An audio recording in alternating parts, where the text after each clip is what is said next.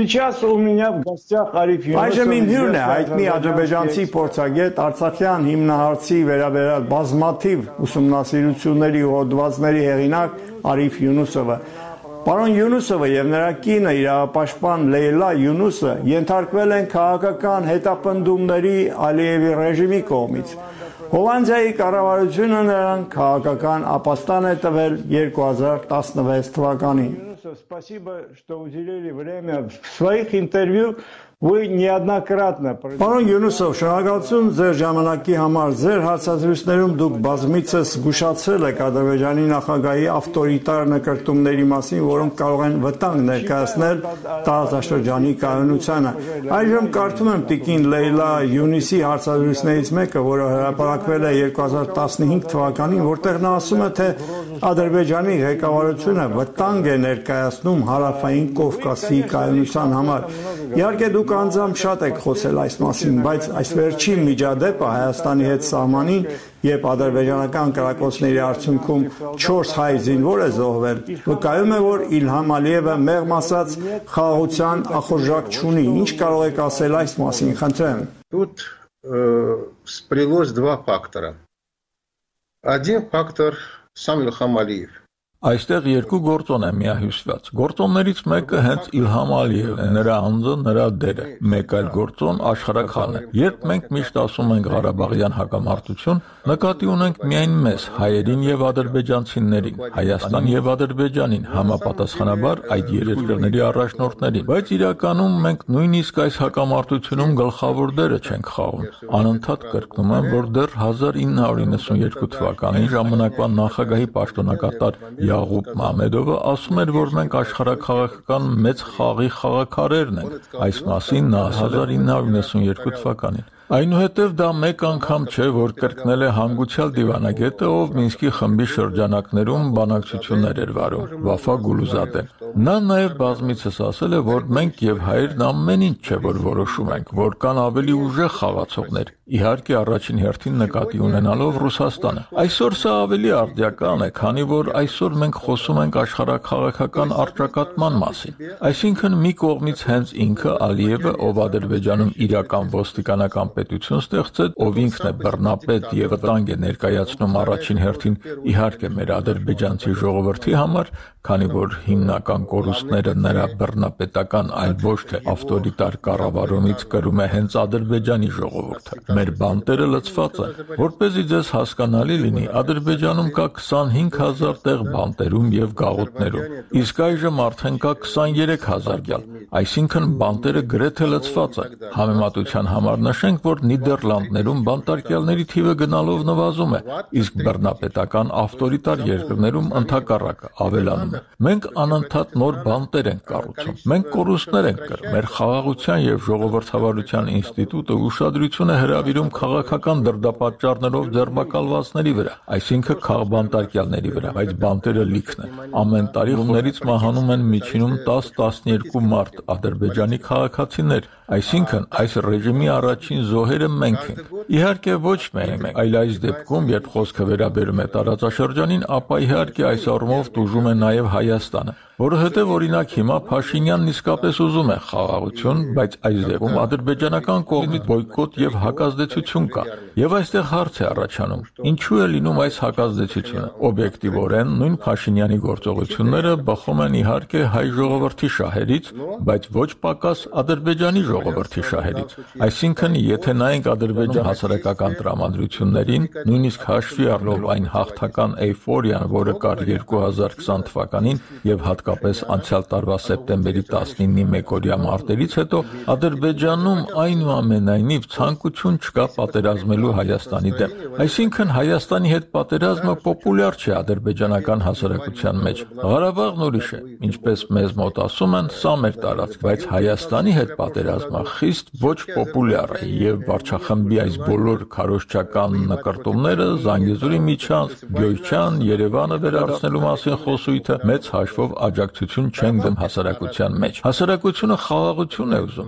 Իսկ Փաշինյանի գործողություններն օբյեկտիվորեն բխում են նաեւ Ադրբեջանի շահերից։ Հարց է ցակում. եթե Փաշինյանի գործողությունները բխում են Ադրբեջանի շահերից, ել չեմ խոսում Հայաստանի մասին, այս դեպքում խոսքս Ադրբեջանի հասարակության մասին է։ Եթե դա բխում է Ադրբեջանի շահերից, եթե Փաշինյանն արդեն 2022 թվականին համաձայնել է ճանաչել Ղարաբաղը որպես Ադրբեջանի մաս, եւ հիմա մենք խոսում ենք այս ամենը խաղաղ պայմանագրով իրավաբանորեն ձևակերպելու մասին, Եթե վերջ Հայաստանը ճանաչում է Ադրբեջանի տարածքային ամբողջականությունը Ղարաբաղի հետ միասին, եթե դրանից հետո գալիս են սահմանագծման եւ սահմանազատման հետ կապված հարցեր, ապա ինչն է խանգարում Ալիևին համաձայնվել։ Իսկ այստեղ կա Ռուսաստանը։ Ռուսական այս գործոնը հսկայական դեր է խաղում։ Առանց Ռուսաստանի համաձայնության Ադրբեջանն իհարկե պատերազմ չէր սկսի 2020 թվականին, բայց մենք հիանալի հասկանում ենք, որ Ռուսաստանի չեզոքության գինը Ադրբեջանի համաձայնությունն էր թույլ տալու, որ ռուսական զորքերը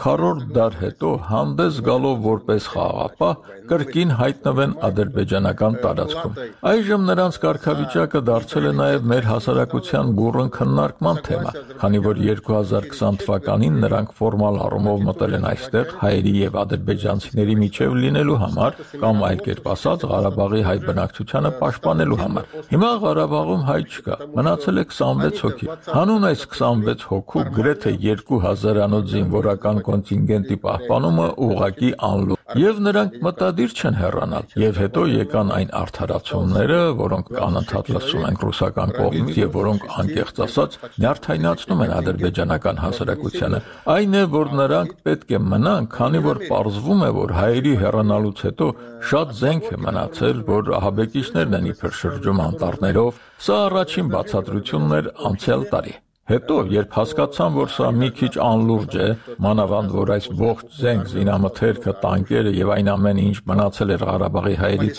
շատ շուտով հայտնվեց Ուկրաինայում, այսինքն զենքի թեման սպառված է, հետո խոսվեց, որ պետք է այնտեղ ականազերծմամբ զբաղվել եւ այլն։ Սա էլ մի կողմ քաշվեց։ Հիմա վերջին բանը, որ լսում ենք, այն է, որ ադրբեջանցիների հետ պետք է պաշտպանել շենքերը, դատարկ շենքերը, հայերի լքած տները, այսինքն նույնիսկ չգիտես ինչ ինչպես նրանց անվանել, բայց ամենակարևորն այլ է։ Ռուսաստանը Ադրբեջանի ձեռքով հիմա ցանկանում է նախ եւ առաջ պատժել Հայաստանին իր արևմտամետ քաղաքականության համար։ Իզուր չէ, որ խոսում է աշխարհական ֆոնի մասին։ Հիմա հստակ խնդիր կա Հայաստանի եւ Ադրբեջանի երկրների ղեկավարների առաջ։ Ում հետ եք դուք։ Փաշինյանը ընտրեց իր հարթակը, արևմուտքը, այսինքն ամերիկացիներին ու եվրոպացիներին։ Ալիևը ընտրեց Պուտինին, Ռուսաստանին։ Ու Ադրբեջանի եւ Ալիևի բոլոր խնդիրները կապված են հենց սրա Անցյալ աշնանը, երբ Ալիևը սկսեց անտեսել արևմտյան հարթակը, հրաժարվեց գնալ Գրանադա, հրաժարվեց գնալ Բրյուսել եւ այնտեղ հանդիպել,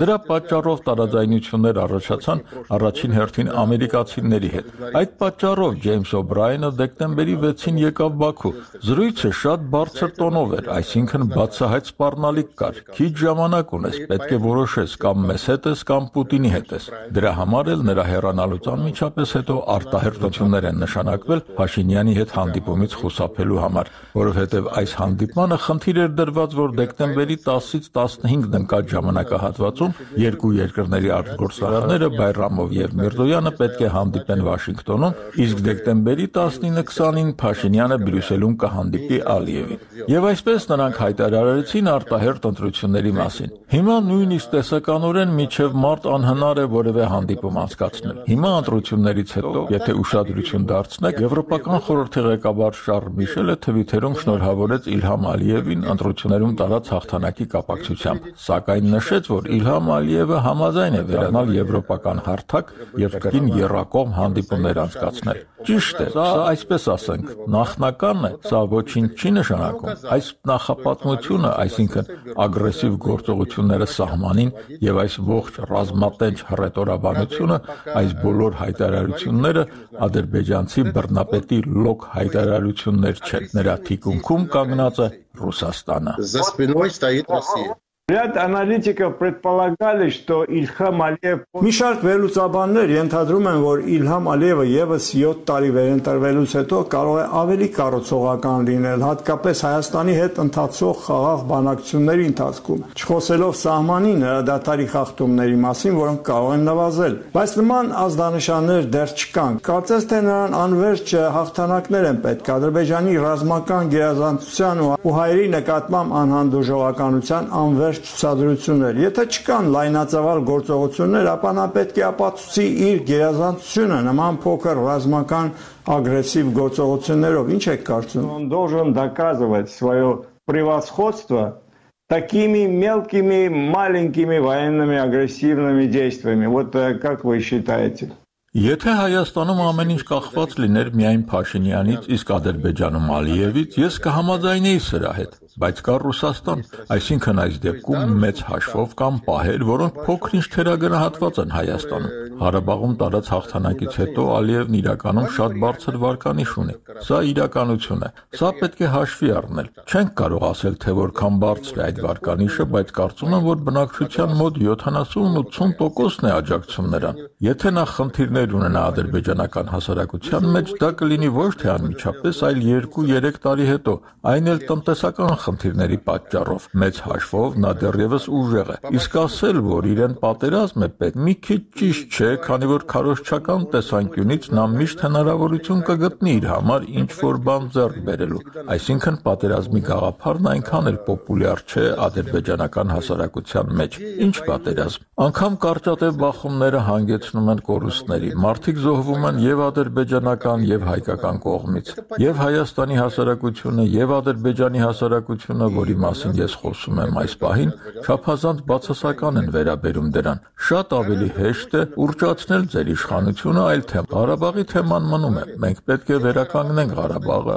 Անցած ընտրությունների բանավեճի ժամանակ այս թեման անընդհատ քննարկվում էր։ Ասում էին, որ մենք հասել ենք հաղթանակի, բայց հիմա պետք է վերականգնենք Ղարաբաղը, պետք է մեր ամբողջ ուժը նվիրենք Ղարաբաղին։ Ղարաբաղի թեման դեռ երկար ժամանակ արդյական կմնա ադրբեջանական հասարակության համար։ Դրա վերականգնման առումով, որը տարիներ կպահանջի։ Հետևաբար Հայաստանի հետ պատերազմելը չէ, որ կարող է Ալիևի վարկանիշը բարձրացնել։ Հարց է առաջանում. ինչու է նա դա անում որովհետև կա Ռուսաստան։ Հասկացեք մի պարզ բան։ Ենթադրենք, որ Ադրբեջանը պայմանագիր է ստորագրում Հայաստանի հետ։ Պատկերացնենք այս տարբերակը։ Ահա նրանք ստորագրեցին այն։ Ինչը լինելու հետո։ Սա նշանակում է, որ մեխանիկորեն հարց է առաջանալու, թե ինչի համար են պետք ռուսական զորքերը Ադրբեջանի տարածքում։ Նրանք իրականում այնտեղ բազա ունեն։ Ռուսաստանը չի ցանկանում հեռանալ։ Նրանք ամեն ինչ անում են, որ մնան նույնիսկ 2025 թվականից հետո։ Նրանք հիմա պետք է հեռանան, այլևս հայեր չկան։ Նրանց այնտեղ գտնվելը իմաստ չունի,